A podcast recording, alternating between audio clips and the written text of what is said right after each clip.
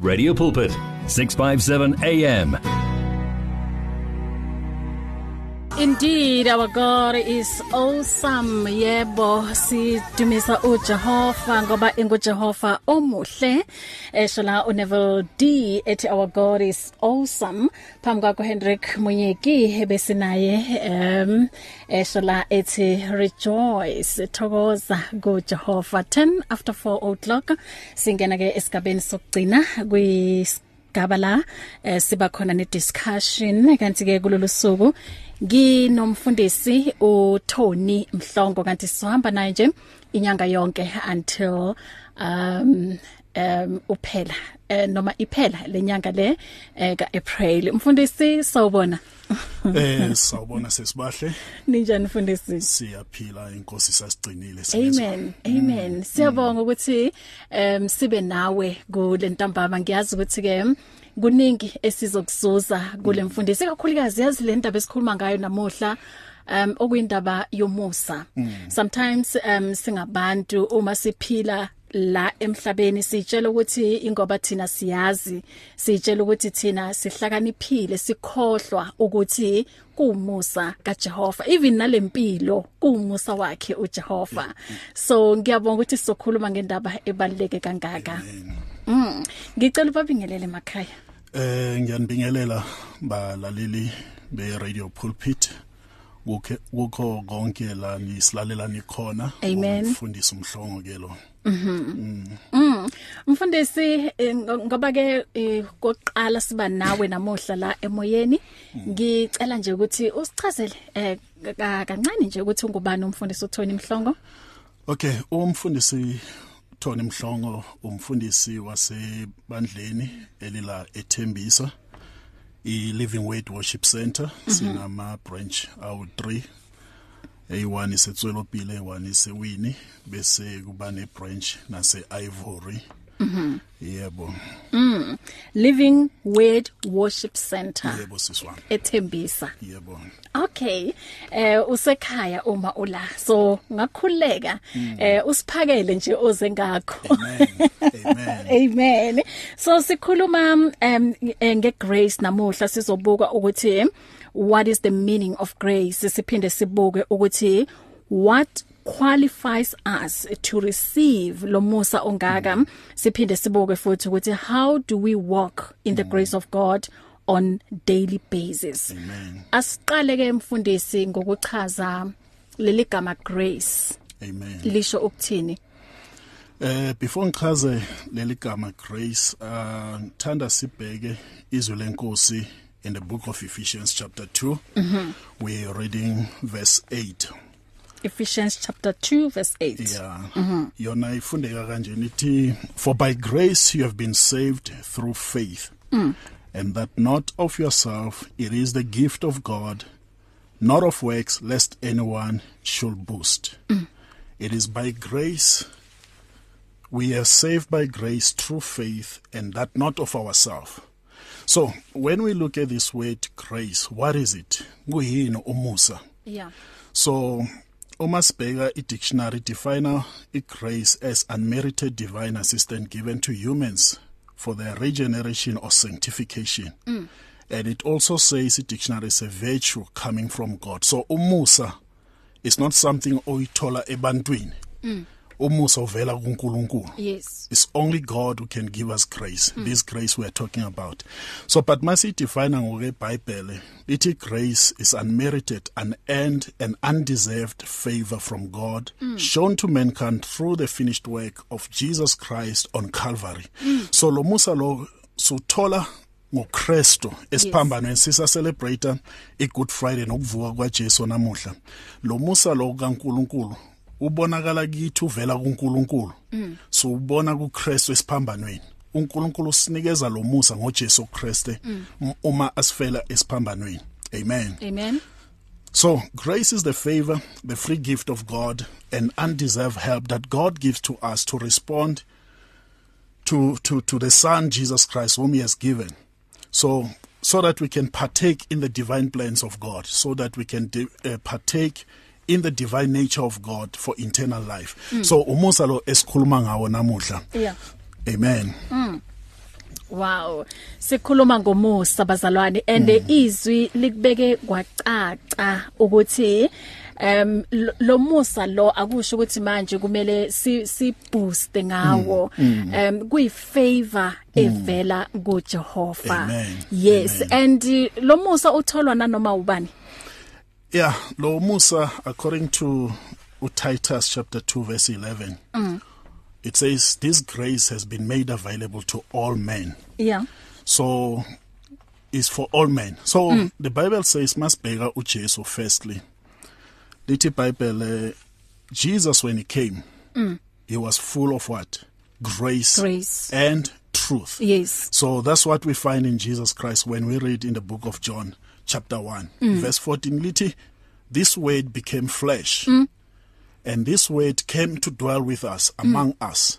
We beheld his glory as of the begotten of the Son, Yeah. full of grace and truth. Yeah.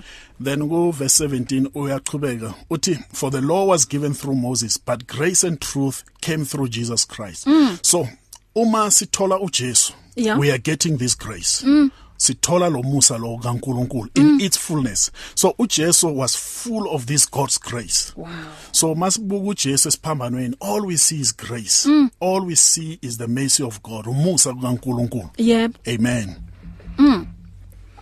16 after 6 o'clock sinomfundisi uThoni Mhlongo sikhuluma ke ngegrace um kulentambama um ngiyazi ukuthi ke mfundisi ngikubuzile ukuthi ngabe wonke umuntu um u- u- u- umfanele yini lo Musa yebo ukufanele but sisonke do we qualify ukuthi sothole lo Musa I- It is so nice that's why it is called grace. yeah So, because it's grace, you don't have to do anything. yeah If I were to show you a favor and I say to you, I want you to do me one, two, three, yeah then it's no more favor, yeah it's no more grace, it's Yeah. works. So, little Bible, go chapter 4 of Romans, verse 4. Little, once you work to earn the grace, it's not grace anymore, it's wages, it's a debt.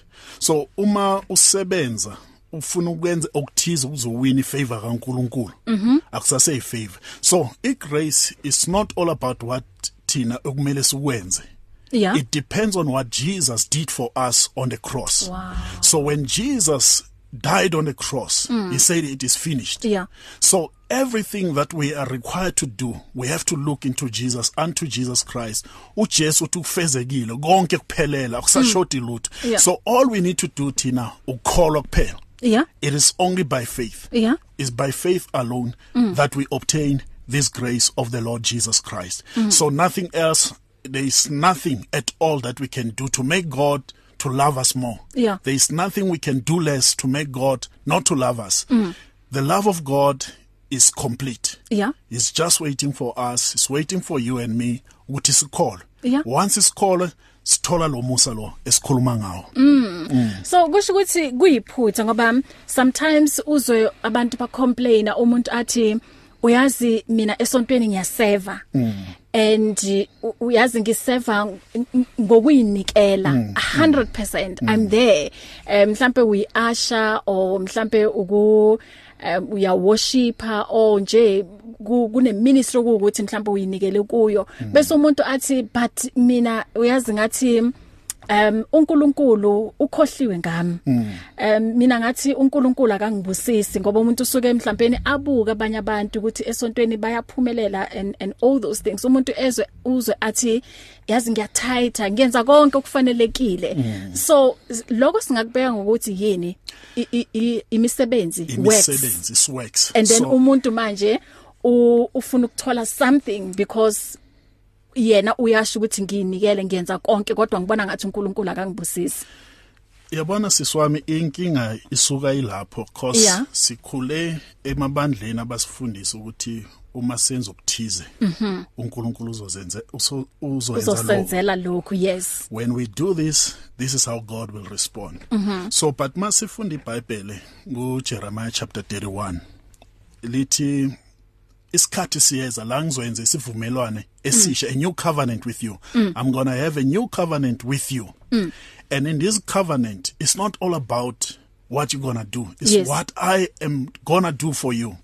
So uma sibheka iOld Testament neNew Testament the main difference ikut- ukuthi kwiOld Testament we had to do something Yeah. to earn the grace of God, the favor of God. And this is what so many people in the world over, ama religion amaningi, they're still trying to do something to win the favor of God. They're trying to do something ba- bayazama ukusebenza esontweni.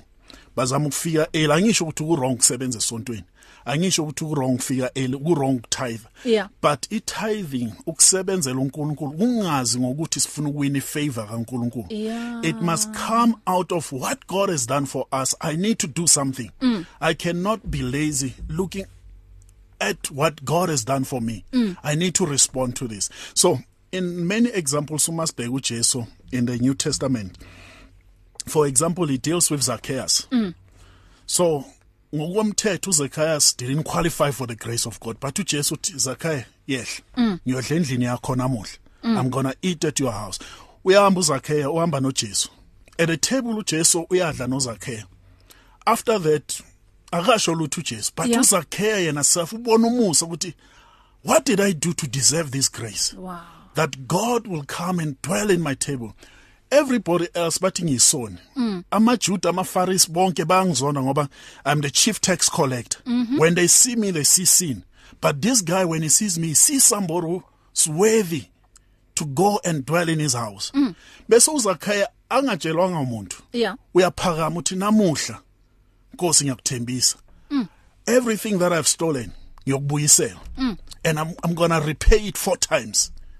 So uyambona uZakhaya akamelanga uJesu amtshela athi phenduka Yeah. bese buyisela eh eh, ubona umusa athi ngalomusa lo angeke nguye kundlule I've seen God I've seen the grace of God my life will never be the same again I'm going to repay everything I've stolen if kunomuntu engimrobhile ngiyombhadala four times so this is what should be our attitude when we serve in the church we don't serve because Jesus said we must serve Yeah. we serve because Jesus died for us. And we, we, we are taking this message to the masses. We say, if I've received this grace, I need to prepare the church so that the person who's coming will find the church prepared so that naye athole lo musa lo naye azondlulisela lo musa wa- uh, to other Kwabanye. people as well amen so kungakho uKristu la, la ebethelwa khona esiphambanweni amazwi akho okugcina washo ukuthi it is finished ngoba ngoba ngoba l- uma ethi it is finished kusho ukuthi our salvation was complete okusho ukuthi we don't have to work to be saved njoba uchaza mfundisi uthi kumele nje senzeni sikholelwe kuKristu ukuthi ungumsindisi and uwenzile wonke umsebenzi so akusese wona umsebenzi wethu ukuthi thina eh senze ukuze sithole le favor wow ngikuzwa kahle 22 after 4 o'clock ngicela sithathe ikhefu em sizobuya emveni kwalokho ulapha ekhaya mhlambe unombuzo em nge WhatsApp em ungathumela nanoma inini em i voice note yakho ku 0826572729 noma ke nge Telegram inamba kusese iyona leyo ngathumela ne SMS ku 37871 incingo sizoyivulela nje ngo half 4 Feel the pulse of real life on 657 AM. It's here. Radio Pulpit's new website is live. You can tune in at radiopulpit.co.za and enjoy crystal clear sound with just a click of a button or listen to our podcasts. Discover biblical truths in our daily devotionals and let our stories of hope inspire you. You can download our app on this new look easy to use platform. Find your favorite program, get to know our presenters, and so much more at radiopulpit.co.za. Radio Pulpit, your daily companion. Discover an abundance of life. 657 AM. Yilapho khona awulahlekile sinawe until 5 o'clock isikhathi manje sithi 24 after 4 ngiyakwamukela uma usanda kungena sithole naku um kumakhala kokwini wakho ungadownloada iRadio Pulpit app ungasilalela nanoma ukuphi nanoma inini eh kululu kuyidownloada and ku free bazalwane ngena nje ku Play Store eh, type Radio Pulpit app bese uyayidownloada ungasithola na ku OpenView channel 607 na ku DSTV audio bouquet 882 nginomfundisi uThoni Mhlongo phuma eh, ngala eh, a living way worshiping eh, worship center sikhuluma ngomusa namuhla eh, sibuka ukuthi uyini umusa and nokuthi how do we walk in the grace of God on daily basis njoba ke umfundisi echazile uyazi futhi ayifundi rule abazalwane lendaba yokuthi um u- lapho uKristu ethi it is finished ingoba our salvation is complete and izono zakho zixolelwe uhlanziwe nase eh nasezonweni um it is finished bazalwane ngempela ngoba in his death and resurrection uKristu wanqoba ukufa so the finished work of Jesus kuuqala kwempilo yethu entsha asikhulumeni ngalomusa 012 334 1322 012338699 ungaxhumana nathi na ku WhatsApp 082 um 6572729 na ku Telegram noma SMS ku 37871 so umfundisi how do we walk in the grace of God on daily basis sizoyiphendula ngicela ukuthi sindlule ngala eh siza ukuthi umlaleli uthini sawubona usemoyeni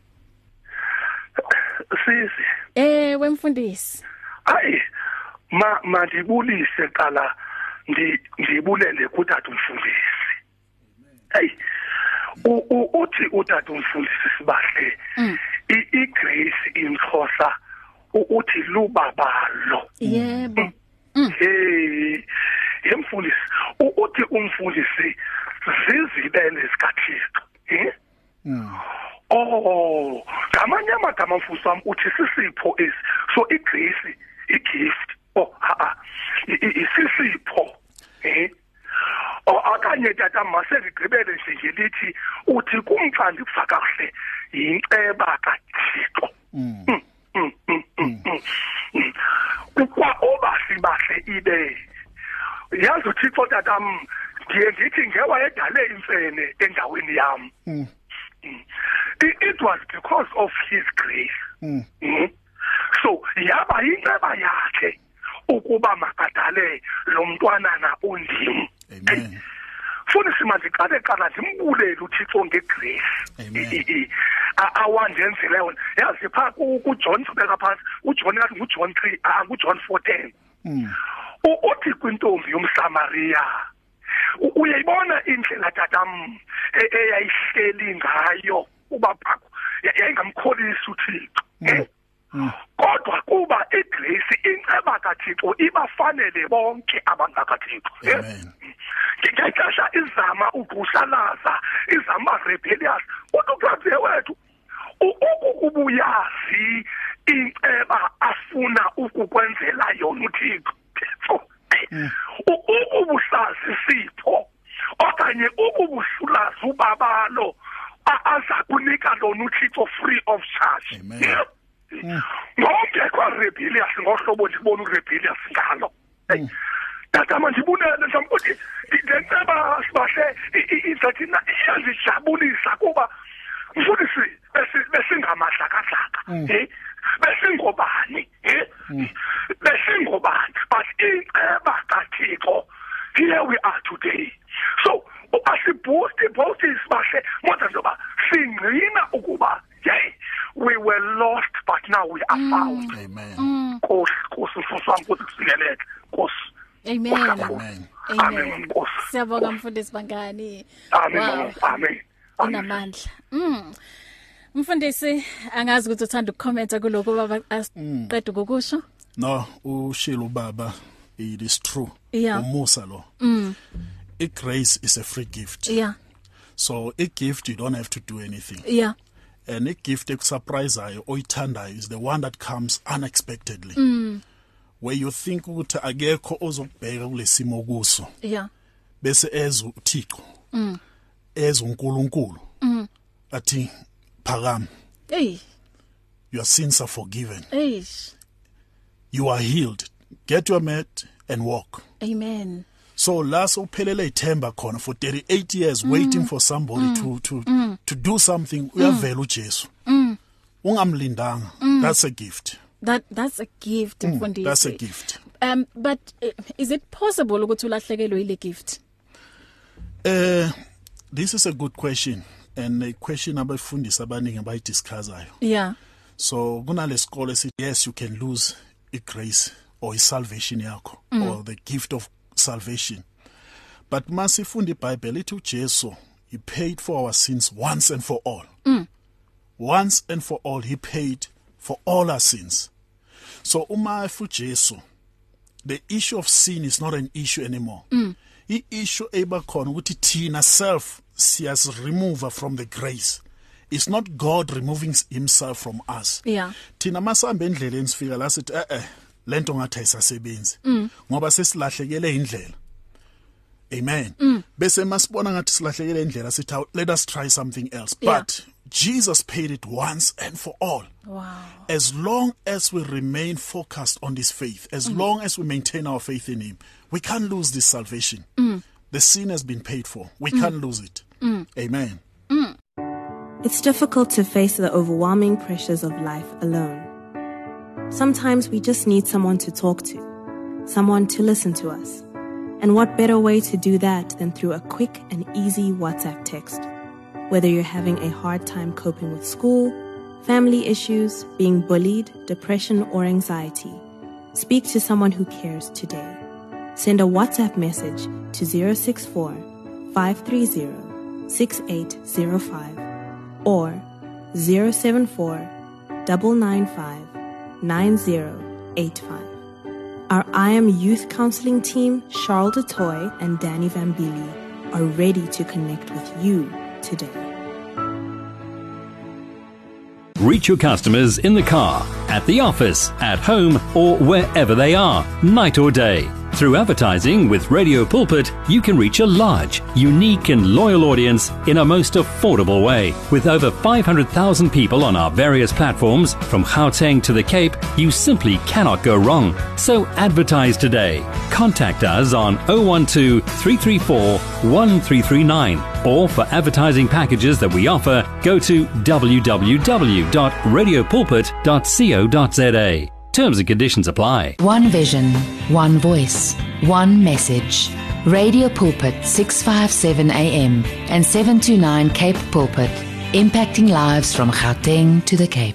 0123341322 sisayixoxa lendaba nawe ngingathanda ukuthi ube ingxenye yayo usemoyeni sawubona dumela dumela s- s- sisibahleni njani siyaphila unjani wena baba hayi Jesu inkosi uyabusa amen mfundisi wami ninjani lapho ngiyaphila unjani wena baba hayi Jesu inkosi Siyabonga, uyabusa mfundisi wami ukhuluma nobaba unkosi la amen baba nkosi yebo eh sisibahle ngicela ungifundele uJames 4 verse 6 James 4 verse James 4 verse 6 um, okay ithi sithole la masinya mfundisi James 4 verse 6 yeah sikhuluma indaba ye grace namuhla bazalwane James 4 James 4 Okay. or ithi- uyitholile mfundisi Yebo, okay ngitholile. Ithi, all right But he giveth more grace, wherefore he saith, God resisteth the proud, but giveth grace unto the humble. Mm. Oh, what a mm. powerful mm. scripture. Mm. amen Amen. mfundisi wami igrace sinikiwe Amen. kepha ngobe si proud sibona kwangazuthi siyazenzela kungako igrace ingaqhubeki empilweni zethu Amen. ngobe si proud asi asizithobe sibonge kuNkulunkulu ukuthi siyabonga uNkulunkulu wasipha eh, wathumela indodana yakho ukuthi izofa ezonweni zethu Ah, sibona kwangazuthi sisindiswe ngobe thina singcono abangasindiswanga sibabheka kabi siyabanyembenya sibakhuluma kabi kwangathi sizenzile thina yeah uma umakhelwane wakho angasindiswanga uyamzonda awukumkhulumisi awufuni neingane zakho zidlale neingane zakhe ngobe wena uzibona ungcono sure kunalo makhelwane wakho awuboni ukuthi yigrace lena Mm, yeah yokuthi wena wazane nenkosi uJesu mm mm ukhulele ekhaya elazi uNkulunkulu yena ukhulele ethaveni wena ukhulele ekhaya elazi uNkulunkulu yena ukhulele la kushaywa amantshoma nekhona igrace ukuthi wena ukhulele ekhaya elazana noNkulunkulu Yebo. kuze uh, mara wena ukuboni lokho wena ubona ungqono kunaye ngiyabonga Hey, yeah, uyazi mfundisi ukhuluma into ebalekile ukuthi ukwamukela umusa ya akusho ukuthi ungcono kwabanye abantu manje kumele ubathathele phansi. It is true. Yeah, it is true. And into siyibonayo mfundisi ukukhuluma nje iqiniso. Mm. Um uthola ukuthi manje abazalwane bona bayibona ngathi you know, um ba better, Mm. bahambela phezulu and then omunye umuntu manje sebambuka eh, ngenye indlela. Mm. eh u- ubaba la uqinisile because igrace kaNkuluNkulu we mustn't boost Yes. that's what i- incwadi sifundile Yeah. Mm-hmm. shonjalo ithi it is by grace it's a gift it's a free gift of God mm.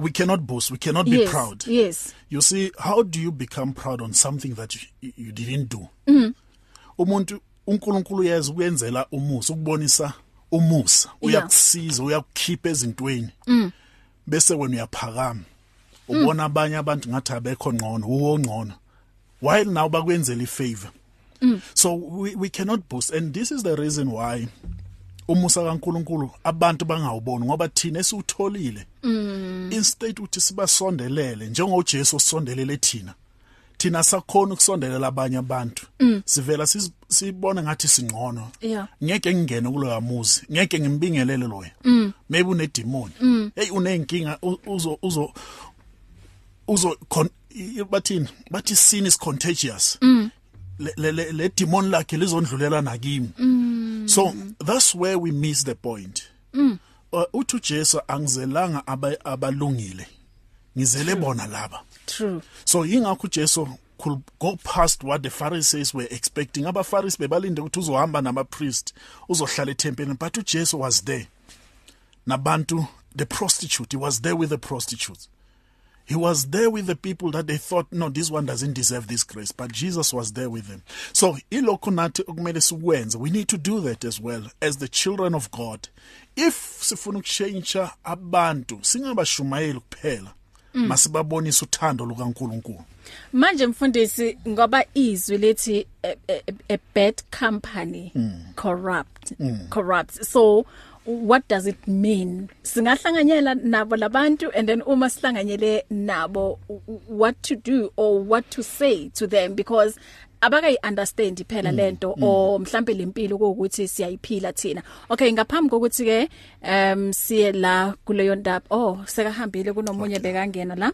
eh, elayinini ya zisavuliwe bazalwane izincingo eh, siloko sixoxa le ndaba okay nangubuyile ithi ngimthathe sawubona usemoyeni hayi sibahle yebo baba hey u- umfundisi u- usifaka eklasini iya U- u- undinika umfundisi wami i- i-picture katishara Eh, now e- ekufuneka azi ukuthi le class ina 50 learners now kunabantwana abayi20 abazi intellectuals mm and then kube nenye i20 esimediocres oh and then kube nenye mhlambe enye i5 esizlow learners kanti thina ukhona kwalapha u- abaphila mhlambe le disability ethile mm kodwa uthi umfundisi wami i- ezingqondo zone zifuna ulungiselelwa nguwe tishara eh and kwaaba bazizilule nazo okanye aba baphila ne disability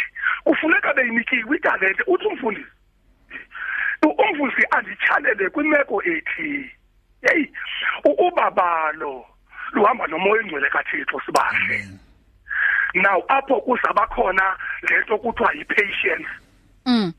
and then iperseverance ikhona apho and then okugqibela ikh- likhona ithemba elithi nalo mntana usisilulena Mm. ngilaphele yena lanto ithi uma inohlala sibahle ingqondo ukuthi kamoya engcwele enokuthi sithunyelwe naw kubantu abangemalungisa Mm. e- ebesifudula nathi sinjengabo and ibe lubabalo ukuze namhlanje ibe senziwe ngcwele underline U- u- ibe lubabalo ukuze sibe senziwe ngcwele nguthixo Mhm. not by our own intellect Mm. Uh-uh, uh-uh. xa enompumo yoyingcwele ngeke siphinde sibe ngcwele Mm. ndiye ndifuse ukuthi enkosi tatam ndiyabulela tatam Amen. kakhulu eyi Amen. hayi papa hayi bana ndiyabulela Hayi, kakhulu eyi Siyabulela Hayi. nathi tata. Nkosi, Wow. Nkosi mama. Hey. Amen. madoda. Nkosi Amen. mama. Amen. Amen. Mm. Amen. Amen. Um mfundisi u us- u- umama la o usisi his mercy on me. yeah, ultimately WhatsApp lana uthi siyabonga mfundisi Tony Mhlongo and Radio Pulpit ngale topic uthi le topic bem bemconfuser uthi bemconfuser a lot. Um so kusho ukuthi mabhale kanje um seka tholile ukuthi okay lo musa lo usho ukuthini and um omunye la uthi hi good day i just want to ask prayer for god to cover me with the blood and strength okay sizokhuluma sizokhuleka naye mfundisi ngaphambi kokuthi ngiphume la yebo bengisabuza umbuzo ukuthi um, yebo um sithi labantu mhlambe uma bengakaboni ukukhanya asibavaleli ngaphandle um kumele si sibe nabo sibasondeze duze nathi and manje izwi bese lisho ukuthi um a, a bad company corrupts a good character mm. so umbuzo wami ukuthi okay sibasondeza duze and izwi lona lisho kanje ngala so how do we deal with that Amen. It's a good question. Eh uma sibheke izwi lenkosi uJesu sinikeza the great commission go ye out. yeah Take out this message, give it to the world. Mm. So the moment we stop going out mm. to unbelievers that's the moment the church of God is going to die. So uma singaphumi sithathe levangeli siyise ebantwini. Mm. Evangeli izofa ezandleni zethu. yeah So uma sikhuluma nge eh, nge nge bad company corrupts a good behavior or good character. Eh what are we taking? Uthi Paul as you go out and preach mm. be careful ukuthi banga convert wena. So oh. firstly you need to check the message that you have. It's important. Yeah. ukuthi mawuqeda ukusindisa uhlale phansi bakufundise izwi lenkosi you must grow roots you must be rooted in the word mm. so that as you take this message to the world you don't change and come back something else mm. uthi paul when i go to rome i become a roman myself mm -hmm. if i go to uh, when i with the jews i become a jew myself So why is he doing that? So that he can convey the message. So the gift to Paul Beganayo, because he could speak Jewish. He Yeah. wa- he could speak a Jewish language, he could mm. speak Greek. So when he was with the Greek, he could relate with them. Whenever they talk, he could relate with them. That's why he could win the Greeks to the gospel of Jesus Christ. Mm. So Nati, we need to learn how do we relate with these people? What is it that they what is their challenges? Mm. What is their struggle? So when we go there, let us go with solution found in the word of God Yeah. found in the in the scriptures so that to say guys you are struggling uthi Paul elingilang uthola bathi to the unknown god uthi here is the solution i'm going to give you a god that i know mm. so that you don't pray to the unknown god anymore here is a solution so Tina we are not going there to be changed we are going there to change To the world so first let us mm. be rooted in the word so Yeah. the challenge we have today is that we are so quick to go out but we don't know what we are presenting to Mm, the people. Hence, we get to a point we tell people to, you must do one, two, three, Yeah. so that God can love you. But when the we are Bi- not grounded. we are not grounded. We don't know what we are talking about. Yeah. Amen. Sho, mfundisi ngiyakuzwa. Usemoyeni sawubona? Sawubona sisi njani? Ngiyaphila unjani wena baba? Ngiyaphila ukhuluma noMr Mhlanga. Okay baba siyakwamukela. Sisi sithanda ukubonga kakhulu kule topic ekhona namhlanje esifundisa ngomusa. Yeah. Uyabona uma singa understand indaba yomusa silibandla likaNkuluNkulu Yeah. besizokhona nokubonga uNkulunkulu. Uma ngifunda kancane eBhayibhelini lithi iBhayibheli wakunamadoda ayenesifo soqhoko. Kodwa lithi iBhayibheli enza ukuthi uNkulunkulu ebaphilisile. Mm. Waba nendoda eyodwa ngoba yayi understand ukuthi angiphilanga ngoba ngihlakaniphile. Mm. Umusa kaNkulunkulu Amen. yabuyela back iyodwa. Yathi baba ngiyabonga. Amen. ukuba ungiphilisile Mm. so ngithanda ukubonga le topic yanamhlanje esifundisa ngomusa ukuthi a- a- a- asikhoni asiphumeleli ngoba singcono Mm. but umusa kaNkuluNkulu Amen. so siyabonga kakhulu kwangathi le topic ingahlala ikhona sizokhona ukukhula spiritually sikhona ukunderstanda indaba zikaNkuluNkulu Amen. ngibongela sisi Ay kuba ngathina baba mhlanga kuphi nendawo? Eh, la ePretoria EPretoria. ikhonza eLidingweth ku under bishop Mhlongo Oh, thank you so much baba. Bless you. thank you Amen. Um mfundisi manje ke uh, sisasutholile umusa. So uh, how do we walk kulomusa kaNkuluNkulu on daily basis? Amen. Eh indaba ye salvation or Mm. insindiso. Yeah. Sometimes we make a mistake to say is salvation ends when you lift up your hands a pulpit. Mm. Bakubeka izandla bese uthi ngisindisiwe iphelile. Yeah. But masifunda izwi lenkosi salvation is a package. So is salvation starts when you accept Jesus as your Lord and Savior. But after that you have to walk in his grace. So masihamba endleleni we realize ukuthi we face challenges but this salvation is a package so ujesu kuluke chapter 4 verse 19 uthi the spirit of the lord is upon me because he has anointed me to preach gospel to the poor Yeah. so when the time of need comes we have the good news of grace Wow. he goes on he says he has sent me to heal the brokenhearted masihamba endleleni the grace is there to heal when we get brokenhearted to preach deliverance to the captives whenever we find something binding us deliverance is there so how do we walk in this we have to realize that once we get born again it's a journey and this journey we cannot walk on our own we need god to hold us by the hand we need to trust on god that's why it says through faith on a daily basis we need to depend on god fully depend on god Amen. we need to fully rely on the grace of god on a re- daily basis so when i wake up in the m- morning i need to realize i can't do anything on my own i need god Ngidinga uNkulunkulu elangeni lanamuhla Yeah. when I go to bed, I need to realize it is by His grace that I can wake up the following morning. I need to invite God in my life. Whatever I do, I have to put God first. I need to have faith in God in all that I, I am doing. So, his salvation is a package. When you need healing, is there. When you need deliverance, is there. When you need breakthrough, is there.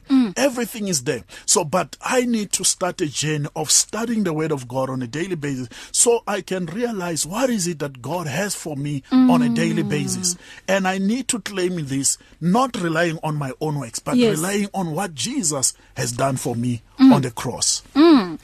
Uh usesinkosi nomsamguni uthi nginani uh usesithuliza zamaseko uthi amen and amen siyabonga ukuthi ke ube ingxenye yalolu hlelo njengoba ke sikhuluma eh ngomusa bazalwane um izwi liyasho ukuthi ingathi mhlawumbe uma ku khona okuhle kwenzakalayo empilweni yakho bese ucabanga ukuthi em kungawe nalapho uKristu kumele abe ku center um uKristu kumele kube uyena um okuwukuthi u- u- u- uletha udumo kuye ngoba sometimes mfundisi eh angazi ukuthi how true um i- eh, is this ukuthi uthola ukuthi um um, eh, kakhulukazi abafundisi um bayiqala kahle le le- lendlela yensindiso and then uma kulokuhamba um uthola ukuthi yebo uNkulu- uNkulunkulu umbusisile unaso mhlawumbe isipho seprophecy um noma ezinye izipho kodwa manje uthola ukuthi akasasebenzeli uNkulunkulu sekafuna ukuthi udumo lube kuyena em sekasebenzisa lesi sipho uNkulunkulu amnikeze sona ukuze kuzuze yena so ah, igrace isebenza kanjani lapho uma kuukuthi umuntu manje uya- uyayi- uyayithatha le favor kodwa ufuna manje ukuthi ifavor yena udumo li- lingasabi kuNkulunkulu Amen. Eh uJesu uthuma abafundi bakhe to go and preach the gospel. yeah Ubanikeza umlayezo take nothing. Mhm. And don't demand anything. yeah You have received this freely and freely you shall give it to all. So uh, uh, the challenge we are sitting with as pastors the competition ne pressure yeah as we were quoting scripture ukuthi bad company corrupts good behavior oh. so sine pressure mangihlele ebandleni lami lase living weight ngiyabuka enext door ukuthi kwenzakalani then all of a sudden i want to change what the message uNkulunkulu anginikeze wona bese ngiyokopisha yeah sokuthi ngenze iprofit so but uma sibheka the gospel of grace for example sibheke le example ka kaZekhaya engikhotile earlier mm. it was not pressure eyenza uZakhaya athi i will give Yes. i will help the poor mm. it was the grace of god so uma sishare igrace kaNkuluNkulu sidepende kuNkuluNkulu that god will provide all our needs according to his riches in glory yeah Whenever we serve, we know that we are serving a faithful God. He will never leave me nor forsake me, no Yes. matter the situation. So, the faith part of it, the through faith part of it, that's where we need. So, the moment we start doubting God, we're going to improvise. We're going to come up with our own ways to make money, to make sure that God is providing for me no matter what. I won't have patience to wait for God. All of a sudden, I'll start selling things. Mm. Coming with every time mangiyenkonzweni ngizoza neplan ukuthi what can I do Yeah. today to make more money instead of relying completely on the grace of God. Sure. Um um uMaphi Maphari Mrs Mathato uthi good day my name is Maphari Mathato that's my dad.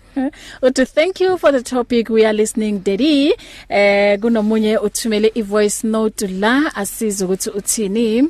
mina sisibahle nomfundisi igama lami uJoyce I'm a radio pulpit listener but it's just that I kuteneletse this topic sele mogare but I can hear gore it's a powerful topic e buang ka ka mosa la ke ikeneletse mogare mina befuna ukwazi ukuthi ngoba lo musa lo ngiyawazi uza ulandelela kamehla lemihla and angazi mina ngiyuthola kanjani lo musa lo ngoba ngidlule ezintweni eziningi kodwa nje ngomusa kaNkuluNkulu ngiyaphila and ngicabanga ukuthi I shouldn't even be alive but ngiphila ngomusa so bengingacela nje ukuthi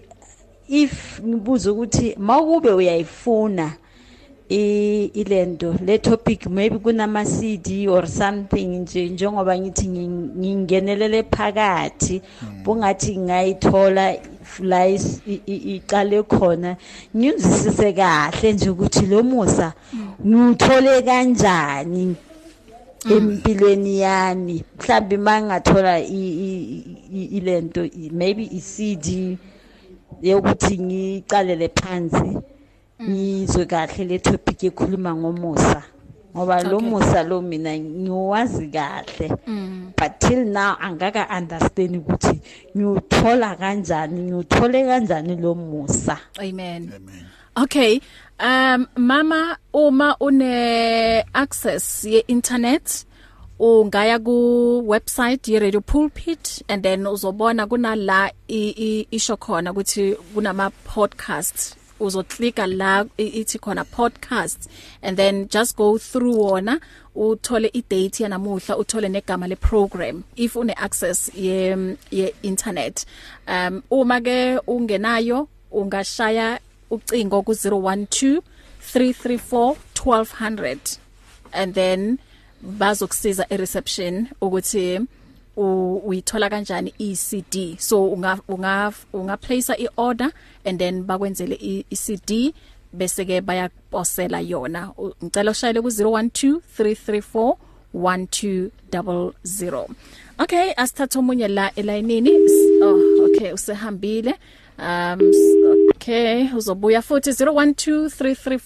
0123341322 isikhathi manje sithi 8 before um 3 o'clock omunye la uthi greetings in the name of Jesus thank you my pastor for the powerful uh, word of God we are really blessed from Mrs Hope Mhlanga sawubona usemoyeni yes sisibahle yebo baba ya ngiyangicela ukukwalisela kuloko okukhulunywa umfundisi eh eh i kuya ngokuzwisisa kwami umusa mm umusa is the ability of god in man mm manje uma wena uzolahla lo musa kusho ukuthi ulahla iability kaNkuluNkulu kuwe Mm. then angeke usawenza lama miracle hayi ngoba ulahlekelwe igift yokwenza ama miracle ngoba wena ulahle iability kaNkuluNkulu mm ngoba leverse engithe silifunde u- u- uJames James. 4 verse 6 Mm. umundlula uya lapha ku7 lithi obey God and resist the devil he shall flee wokuchaza ukuthi u- u- uma ungamqosha ungaka uka obey uNkulunkulu akanawubaleka mm uma ungamqosha uproud akanawubaleka ufuneka umqoshe u- u- u- uzwisisa ukuthi lokhu ngikwenza ngegrace engiphiwe yona yebo mhm ngikwenza ngamandla kaNkuluNkulu hayi ngeability yami ngiyabonga sisi kubonga thina baba uh okay 6 before um 5 o'clock ukuthi ke sina plus minus 5 minutes ukuthi ke siphume ngala um Mr LG uthi we are blessed bishop grace is everything Uh oh Mrs Mbambo uthi thank you bishop for the powerful word indeed grace has brought us where we are uh, good afternoon uh, that is powerful and I'm blessed with my wife angazi ukuthi ubani a powerful topic it is thank you so much for the message bazalwane happy easter we are really blessed eh umyalezo uphuma ngale ko Botswana ko Palapie eh omunye la uthi mm, Eh dumelang ko Botswana go. Yeah. okay. Eh uthi I'm amukelani Dambuza. Thanks pastor for the powerful message of grace. Eh uthi grace is the love and mercy given to us uh, by God because God desires us to have it not necessarily because of anything we have done um to n uh thingibona khona ongushile la umyalezo okay ngiyacabanga ukuthi ke ngifunde yonke okay mfundisi kulokhu ubaba beka kusho la ngaphambi kokuthi sifunda ama, ama, ama WhatsApp eh ngifuna ukusho lamazwi lawo ukuthi grace is everything about God yeah grace is a portion that mm. comes from God yeah Tina on ourselves the only thing we need to do is faith mm, nothing else yeah faith so if faith enables us to receive the grace of God yes it is only by faith mm. so little bible we Hebrews 11 verse 6 it is impossible to please God without faith that faith there is nothing else esingakwenza okuzojabulisa uNkulunkulu except faith so i'm not saying i want everybody who's listening to us abalaleli bethu i'm not saying stop working yeah i'm not saying stop serving in your church i'm not saying stop preaching Mm. just sleep and wait for grace no i say let it be a motivation let it be the grace of God. Mm. When you do whatever you do, you are doing in response of what God has done for you. Mm. Not to win the favor of God, no. Yes. Mm. Wow. Um oh what a topic. Your grace, we thank God about it. We are listening from Bushback Ridge. We are blessed. Uh umam Zita. Amen. Okay mfundisi kule 2 minutes esisele ngayo umyalezo nje um ongawunikeza wonke umuntu and nga and then bese ke siyakhuleka kunomama la othumele i mm, uh, angisayiboni i-message yakhe bekacela ukuthi ke sikhuleke naye Amen. eh ngizolo ngifuna la mfundisi umyalezo wakho nje sisaphuma The last thing engakusho is Romans chapter 5 verse 1. That um, we are justified by faith. Mm. We have peace with God through our Lord Jesus Christ, amen by whom also we have access by faith into his grace, mm. wherein we stand and rejoice in hope of glory of God. So, in conclusion, the Lord Jesus Christ is the main thing. amen the Lord Jesus Christ. We access this grace by faith in the Lord Jesus Christ. Mm. So, thank you very much uh, to all the listeners. May God bless you. May His grace be upon you. amen Amen. Okay mfundisi kule 1 minute ngicela sikhuleke la nomama u- u- la bekacela ukuthi simkhulekele ukuthi uNkulunkulu amkhave with the blood and namandla Amen. Father, in the name of Jesus Christ, we pray for umama igazi lika Jesu phezu kwempilo yakhe over everything that has to do with his with her life, with her family, with everything pertaining to life and godliness. Let your grace be upon her in Jesus mighty name. Amen. amen eh mfundisi uma ungasekho la emoyeni bakuthola kuphi Eh ngikhona ku Facebook Tony Mhlongo. Um my WhatsApp number 081 354 5705. 0813545705 Yebo. Okay mfundisi next week sisonke futhi Amen. Thank you very much. Bless Ngibonga you. Mm. ithuba. Amen. uPastor Riley Khodi uyaza uzohlala nawe kusukela manje njoba lizoshayela isihlanu ihora until 7 asiphinde ke sibe ndawonye nakusasa ekseni ilapho sizobe sivusana khona ngo4 until half 5 kumphatlalatsane sithi kuzodlula If you need prayer, please send your request to prayer at radiopulpit.co.za or WhatsApp 067 429 7564 or go to Radio Pulpit website on www.radiopulpit.co.za. It's difficult to face the overwhelming pressures of life alone. Sometimes we just need someone to talk to, someone to listen to us. And what better way to do that than through a quick and easy WhatsApp text? Whether you're having a hard time coping with school, family issues, being bullied, depression, or anxiety, speak to someone who cares today. Send a WhatsApp message to 064 530 6805 or 074 995 9085. Our I Am Youth Counseling team, Charles Dudoy and Danny Vambili, are ready to connect with you today. Did you know you can order your favorite Radio Pulpit programs on CD so that you can listen to them whenever you like? Contact our friendly client services department now to place your order. You will find them on 012 334 1200 657 AM, your daily companion.